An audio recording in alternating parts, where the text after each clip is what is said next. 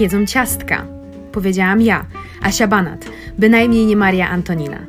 Jestem cukiernikiem z miłości, a dietetykiem z wykształcenia. Ciągle myślę i gadam o jedzeniu i liczę na to, że Wy lubicie o tym jedzeniu słuchać, tak bardzo jak ja. W tym podcaście co poniedziałek zapraszam Was na wysłuchanie mojej kulinarnej opowieści, rozterki, jakiegoś gastronomicznego zachwytu lub zgrzytu. Zapraszam, do usłyszenia.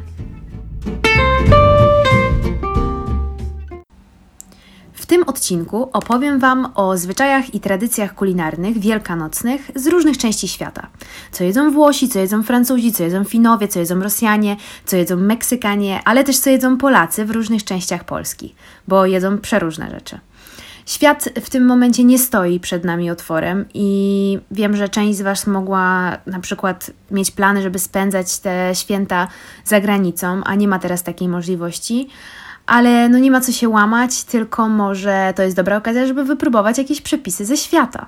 Także zaprosić świat na swój stół, tak jakby. No bo może wcale nie musimy się obejść smakiem. A może nawet ktoś z Was miał ochotę złamać polską tradycję kulinarną, wielkanocną i nie jest to Wasze ulubione jedzenie, no tylko, że co by powiedziała babcia na takie wariactwa? A tak to w domowym zaciszu możecie sobie spróbować czegoś nowego. To pod żadnym względem nie będą tradycyjne święta, więc może to jest właśnie dobry moment na jakieś urozmaicenie na tym takim naszym tradycyjnym, wielkanocnym stole, uginającym się od kiełbas. No bo nie każdy lubi kiełbasy. Ja nie przypadam, ale no wiecie o co chodzi. Część z tych potraw, o których będę Wam mówić, może się wydać trochę kontrowersyjna, część może nie będzie w 100% do powtórzenia, ale coś tam gdzieś może Wam zaświtać i, i w jakiś sposób się nimi zainspirujecie. A jeszcze inna część będzie brzmiała bardzo znajomo, bo wpływy kulinarne się przeplatają na świecie i każdy gdzieś tam coś może od siebie udźgnąć. No i właśnie taka różnorodność koloruje świata, świat smaków to już szczególnie. Także nie martwcie się, jeszcze tego wszystkiego, o czym będę mówić, będziemy mieli okazję spróbować u źródła, a tymczasem opowiem Wam, co się gdzie je, a je się naprawdę dużo i różnorodnie.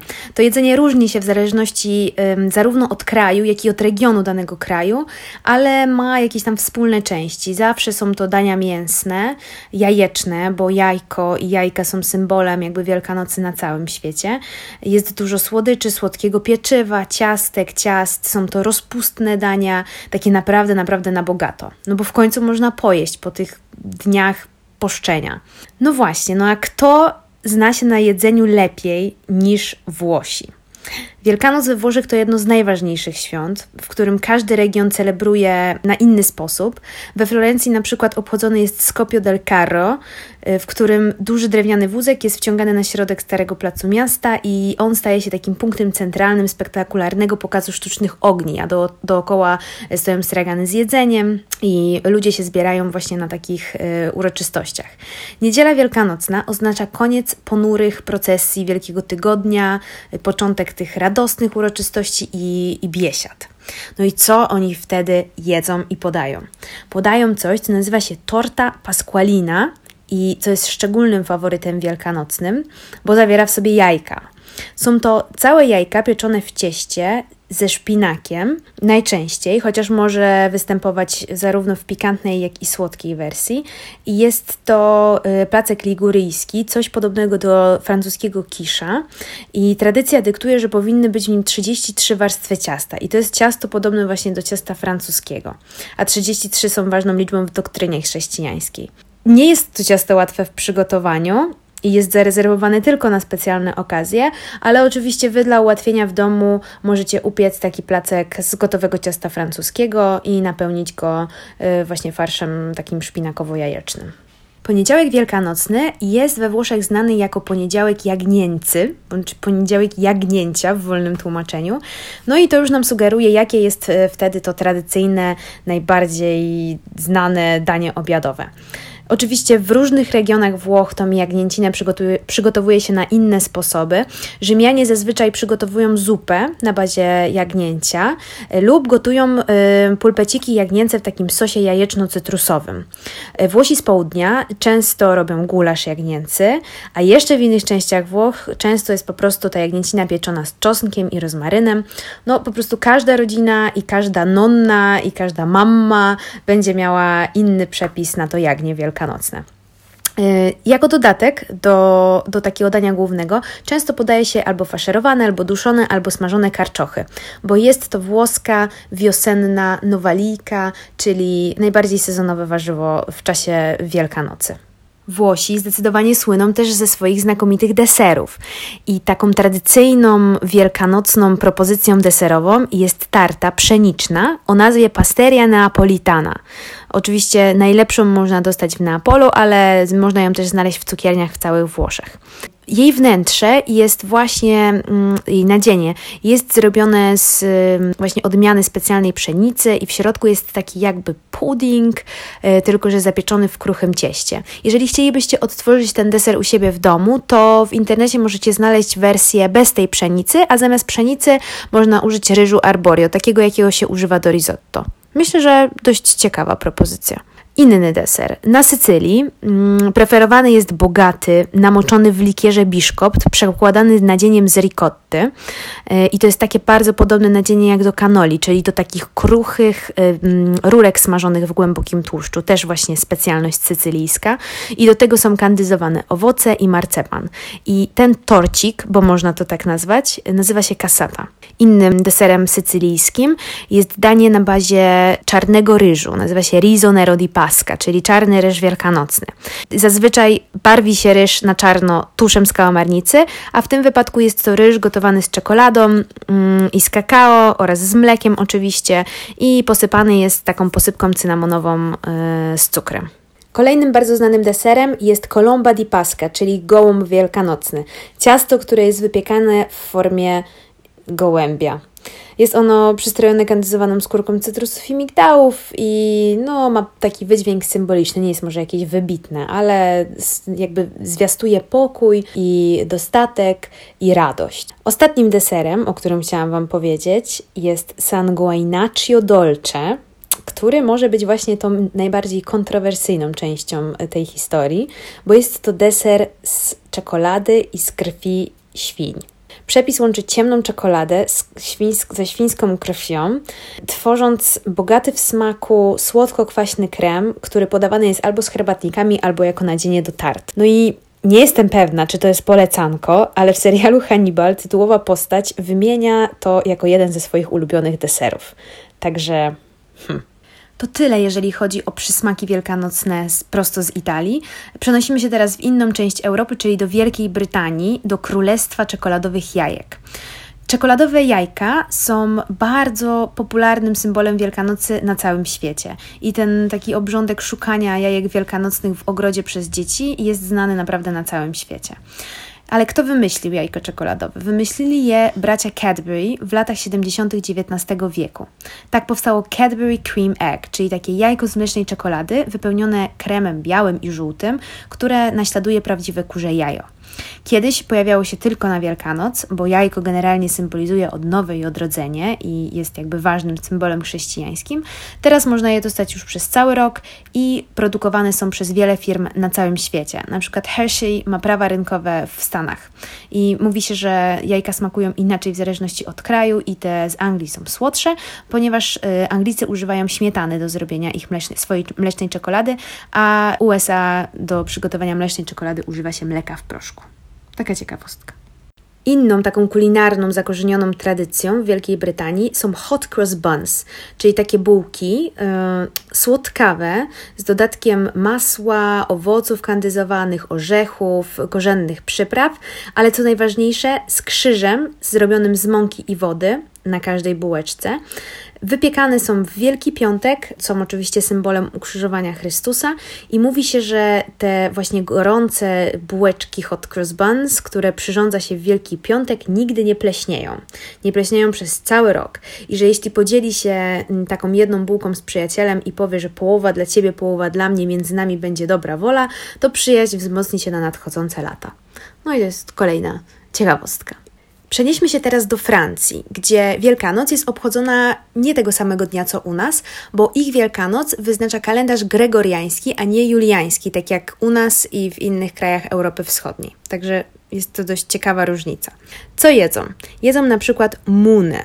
I muna jest bardzo podobna do, do brioszki, ale ma gęstszą strukturę i jest aromatyzowana kwiatem pomarańczy i anyżu.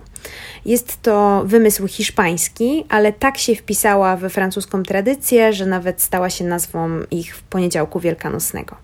Innym e, takim bardzo tradycyjnym przysmakiem jest petit du Pâques. To są takie ciastka migdałowe ozdobione polewą w kształcie ptasich gniazd i w środku tych ptasich gniazd są czekoladowe jajka. No i to jest jakby głównie skierowane do dzieci.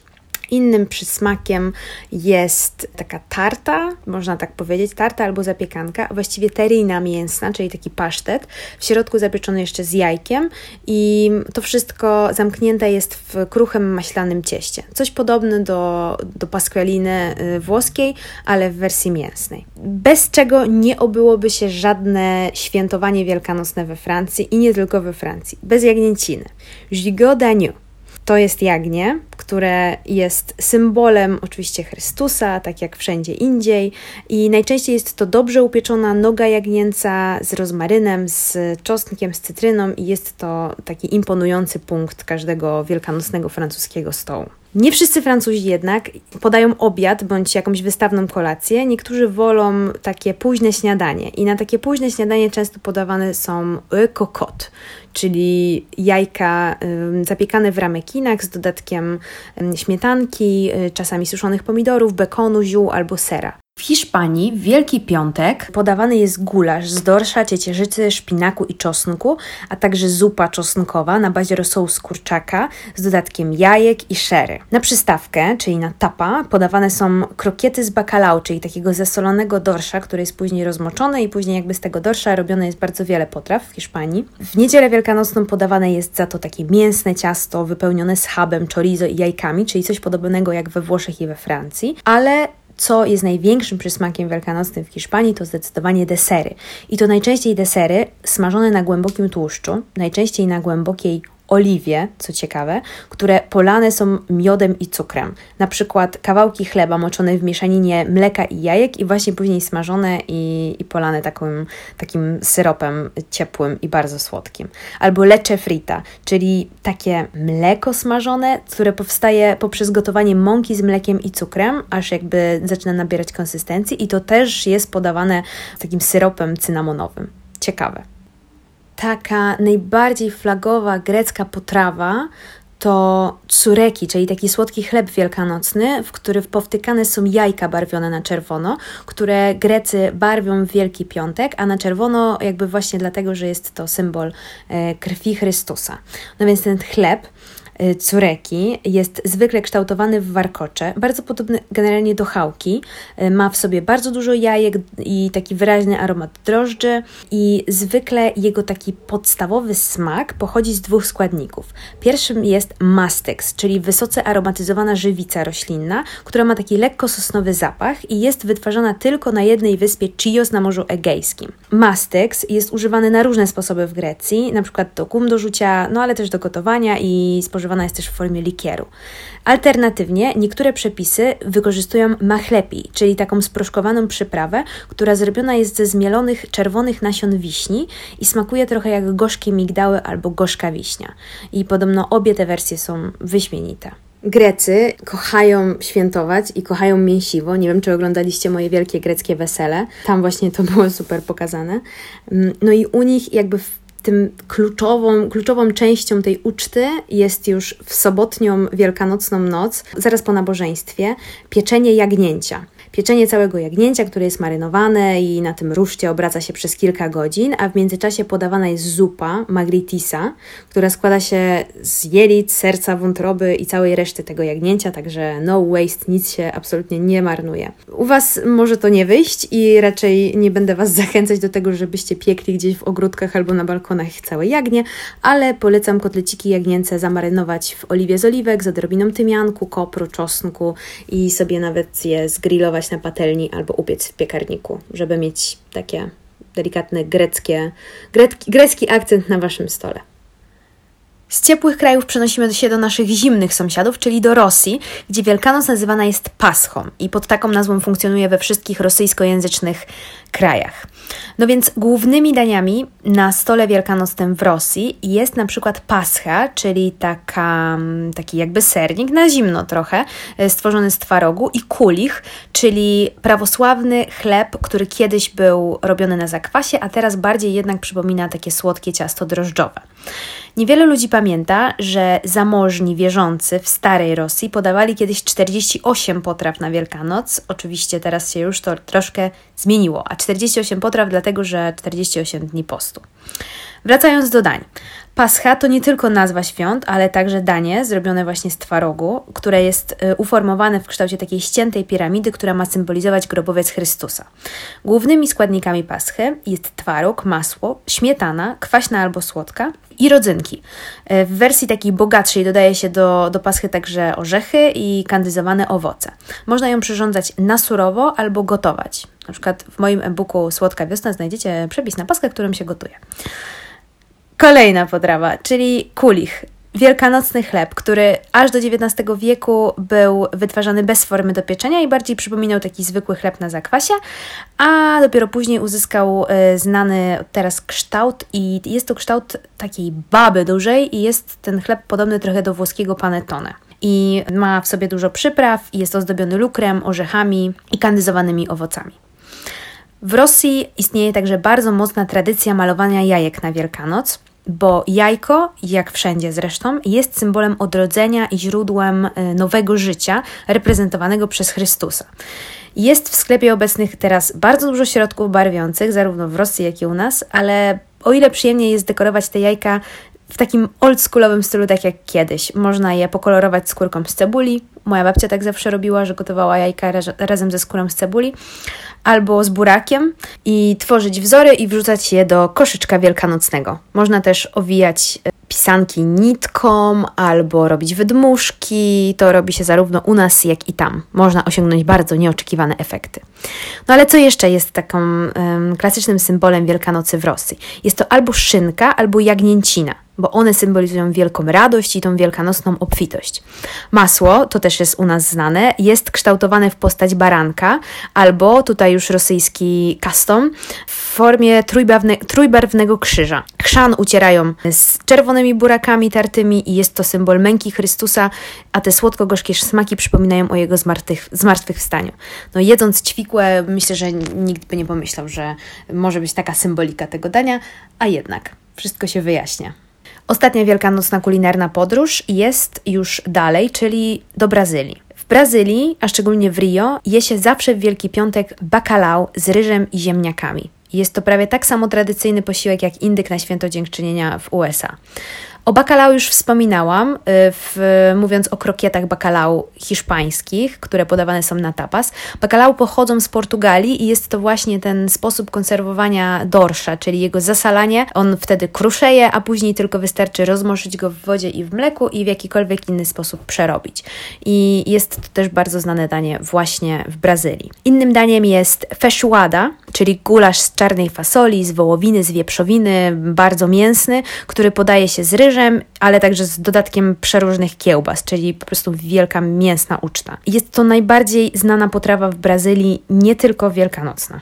Innym comida typika, czyli tak zwanym typowym jedzeniem w brazylijskim menu wielkanocnym, jest colomba pascal, czyli taki rodzaj wielkanocnego ciasta, które też znowu przypomina brioche, przypomina panettone, czyli słodkie ciasto, takie ciasto, taki chleb na bogato taki coś lepszego niż zwykle. I tutaj sprzedawany jest tylko w okresie wielkanocnym i zwykle wypełniony jest kawałkami czekolady i przykryty czekoladowymi dodatkami, czyli niekandyzowane owoce i, i przyprawy, tak jak e, w Europie. W kształcie ma przypominać gołębia, bo po włosku kolomba i portugalsku pomba to właśnie gołąb. I znowu jest to chrześcijański emblemat i mówi się, że reprezentuje pokój.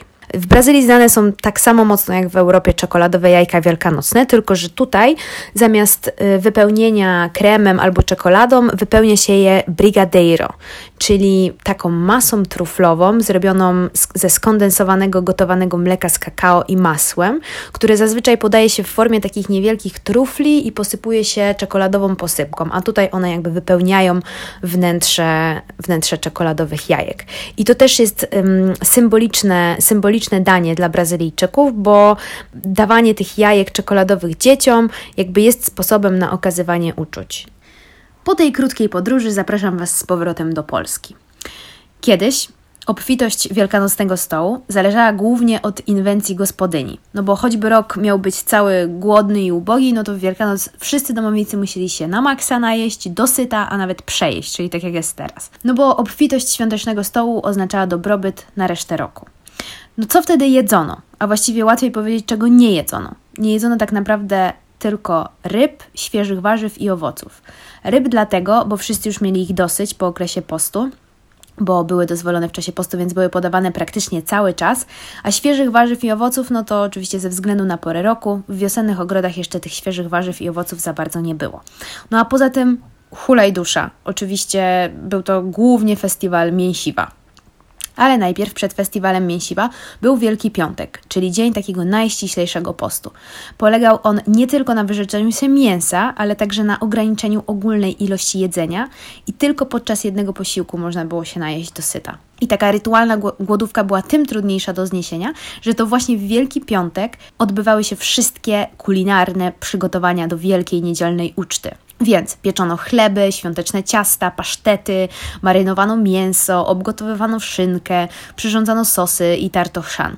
I po zakończeniu przygotowań wszystko lądowało w spiżarniach, gdzie musiało zostać nietknięte aż do niedzielnego poranka ewentualnie do, do sobotniej nocy, bo w niektórych częściach Polski już w sobotę po nabożeństwie i po zmartwychwstaniu y, można było zasiadać do stołu i już w nocy z soboty na niedzielę można było zacząć ucztowanie. W Polsce, i tak jest oczywiście do dzisiaj, charakterystycznym atrybutem wielkanocnego stołu są pisanki. Metod ich zdobienia jest wiele. Tak jak mówiłam, u mnie najbardziej popularne było po prostu obgotowywanie jajek w cebulowej skorupce, ale jest to najprostsza metoda, a jest jeszcze kilka innych fajnych metod, metod, a właściwie kilka innych naturalnych barwników, które możecie użyć. No ten rudo-brązowy uzyskuje się z cebuli, żółty z kory jabłoni lub z kwiatów nagietka, pomarańczowy z wywaru dyni i marchwi, czarny z łupin orzecha włoskiego i kory dębu, zielony z liści barwnika albo młodego żyta, fioletowy z kwiatów malwy, niebieski z owoców tarniny, zaś czerwono-różowy, no to oczywiście z buraka. Więc może w tym roku pójdziecie w naturalność i spróbujecie sobie zafarbować jajka na jakiś inny kolor na Śląsku, ale ja pamiętam to też z własnego domu. Popularną techniką jest wyskrobywanie zdobień takim ostrym narzędziem. U nas to chyba była po prostu jakaś pineska, e, właśnie na zafarbowanej e, na ciemny kolor skorupca. W innych regionach Polski, na przykład w okolicach Łowicza, skąd też pochodzi moja rodzina, okleja się jajka rdzeniem sitowia i skrawkami kolorowej włóczki i tak robi się też w Krakowie, z tego co pamiętam.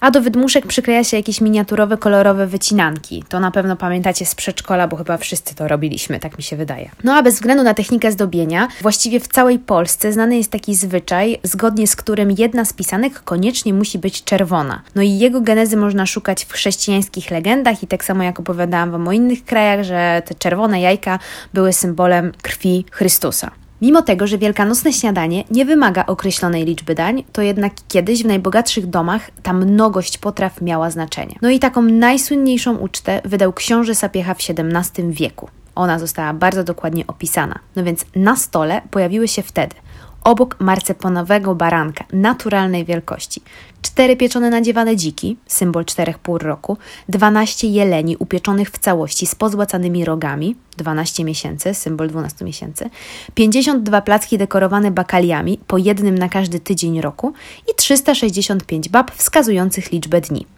W liczbie trunków też się pojawiły symbole. Kwart miodu podano 8740, bo tyle liczy sobie godzin jeden rok. I choć książę był znany z takiej skłonności do wystawnych biesiad, no to ta wywołała, wywołała naprawdę duże poruszenie. No ale na szczęście w szale tych kulinarnych rozkoszy nie zapomniano o najbiedniejszych. I przy tych wielkanocnych stołach zasiadali też zapraszani na tą okazję jacyś ubodzy krewni albo biedniejsi sąsiedzi. I nawet jeżeli nie zapraszano nikogo do domu, no to Wielkanoc była okazją, aby ubogiego nakarmić. I był taki zwyczaj w Krakowie, który nazywał się krakowską rękawką. We wtorek, po lanym poniedziałku, mieszczanie wynosili na kopiec kraka jabłka, jajka i jakieś resztki z wielkanocnego stołu i karmili zgromadzoną tam biedotę. No i jak widać, w tych wielkanocnych polskich zwyczajach biesiadnych od zawsze wyrażał się sens takiego wiosennego święta, święta życia, obfitości i radości. To, co zostało nam po tamtych czasach, to to całe kulinarne bogactwo wielkanocnych przepisów. No ale polska kuchnia wielkanocna jest dużo bardziej zróżnicowana niż żurek i biała kiełbasa, tak jak może nam się wydawać.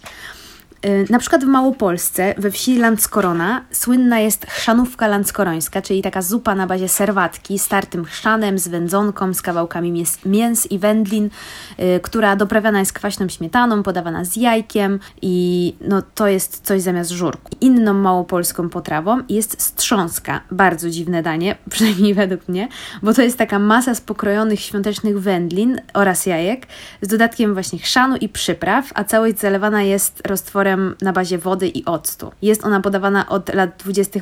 ubiegłego wieku i podaje się ją najczęściej właśnie w Małopolsce na wielkanocne śniadanie.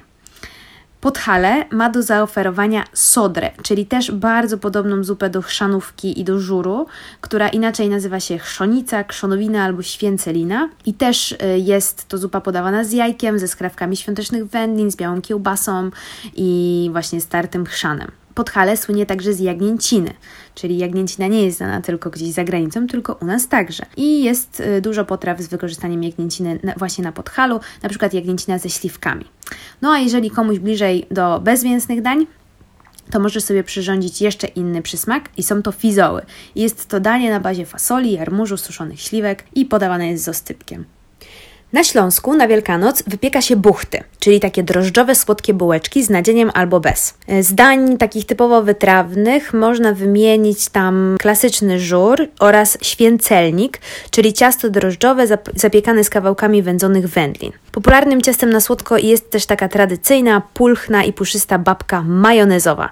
Wypieka się ją z mieszanki mąki pszennej i ziemniaczanej, no i z dodatkiem naszego największego świątecznego przysmaku, czyli majonezu. Innymi śląskimi wypiekami są także kołacze z serem albo z makiem i strusle. Na Podlasiu takim wielkanocnym świątecznym specjałem jest czerwony barszcz z kiszonych buraków, a także zalewajka z dodatkiem grzybów, czyli tak jak w Łodzi. Takim tradycyjnym deserem jest za to pascha wielkanocna, czyli deser właśnie na bazie twarogu i bakali. Już wspominałam o nim mówiąc o Rosji i w smaku akurat w Polsce troszkę bardziej przypomina sernik. I to jest właśnie potrawa wychodząca się z Rosji, ogólnie z ziem wschodnich.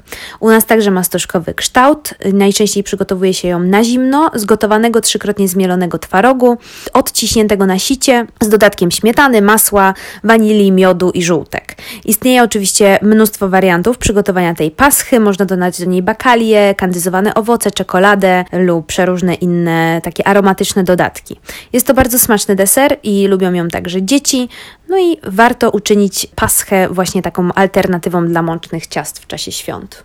Typowym wypiekiem podlaskim jest również sękacz. Uwielbiam sękacza. To jest takie biszkoptowe, mocno jajeczne ciasto z widocznymi w przekroju takimi ciemnymi słojami, sękami właśnie. Pieczone jest na takim specjalnym obrotowym rożnie i stąd powstałe właśnie w efekcie tego ciągłego obracania takie charakterystyczne sęki. No coś nie do podrobienia i raczej nie do zrobienia w domu, dlatego jak tylko będziecie mogli, to musicie jechać na Podlasie i spróbować sękacza. Tradycyjna pomorska kuchnia wielkanocna to przede wszystkim młodzowy kuch z kruszonką, czyli taka klasyczna baba drożdżowa, ale także marchewny kuch, zwany także biednym ciastem z marchwi, mąki i wody. Na wielkanocne śniadanie podaje się tam jako jedno z dań głównych jajka smażone na słoninie. Zaraz obok Pomorza są Kujawy, i na Kujawach występują głównie dwie potrawy, słodka i słona. Kujawiok to znowu wielkanocna baba drożdżowa, taka jasno-żółta, miękka, sprężysta, z kruszonką, wszystkim znana i lubiana. A słoną potrawą jest żur kujawski na żytnim zakwasie, który serwowany jest oczywiście z jajkami, z białą kiełbasą albo z ziemniakami. Taką jeszcze jedną charakterystyczną częścią Polski są kaszuby, gdzie na Wielkanoc gotuje się szynkę i je się zylc, czyli galaretkę z siekanych wieprzowych nóżek i włoszczyzny. To też raczej możecie znać z jakichś babcinych imienin. Y, u nich na wielkanocne śniadanie je się jajecznicę, która nazywa się prażnicą i ta prażnica może być smażona albo na słoninie, albo na boczku, albo nawet na wędzonej rybie. No i właśnie od 10 lat ta prażnica na wędzonym węgorzu widnieje na rządowej liście potraw tradycyjnych województwa pomorskiego. O czym nie można zapomnieć, mówiąc o wiośnie w Polsce i o wielkanocnym stole. Dla mnie, jak myślę wiosna w Polsce, to myślę sobie, mhm, rzeżucha. Trzeba zasadzić rzeżuchę. Rzeżucha na wielkanocne śniadanie do jajka jest obowiązkowa, także sadźcie rzeżuchę tym wręcz rozkazem, zielonym rozkazem, kończę dzisiejszy odcinek i mam nadzieję, że dowiedzieliście się czegoś ciekawego, że Was nie zanudziłam. Ja osobiście uwielbiam szukać takich informacji, bo święta są super momentem na mm, dowiadywanie się czegoś nowego o innych krajach. No i w ogóle jakby poznawanie innych krajów przez kuchnię także jest ekstra, nawet jeżeli tylko się na razie o nich czyta, a nie ma się okazji ich spróbować. No i co, zachęcam Was do zainspirowania się, do, do spróbowania swoich sił w kuchni i przygotowywania jakichś tam potraw z różnych części świata. A jeżeli mielibyście ochotę bardziej skupić się na wypiekach i na słodkich, tradycyjnych, polskich wypiekach, ale z takim nowoczesnym twistem, to serdecznie zapraszam Was do zakupu mojego e-booka, który nazywa się Słodka Wiosna. Możecie go dostać e, w moim sklepie na Etsy i link do sklepu znajdziecie w opisie tego, tego odcinka. Także serdecznie zapraszam. Jest tam 10 hakerskich, porażko-odpornych przepisów, które nie zrobią Wam bałaganu w kuchni, a dadzą samą przyjemność. Także serdecznie zapraszam. Dzięki i wesołych świąt.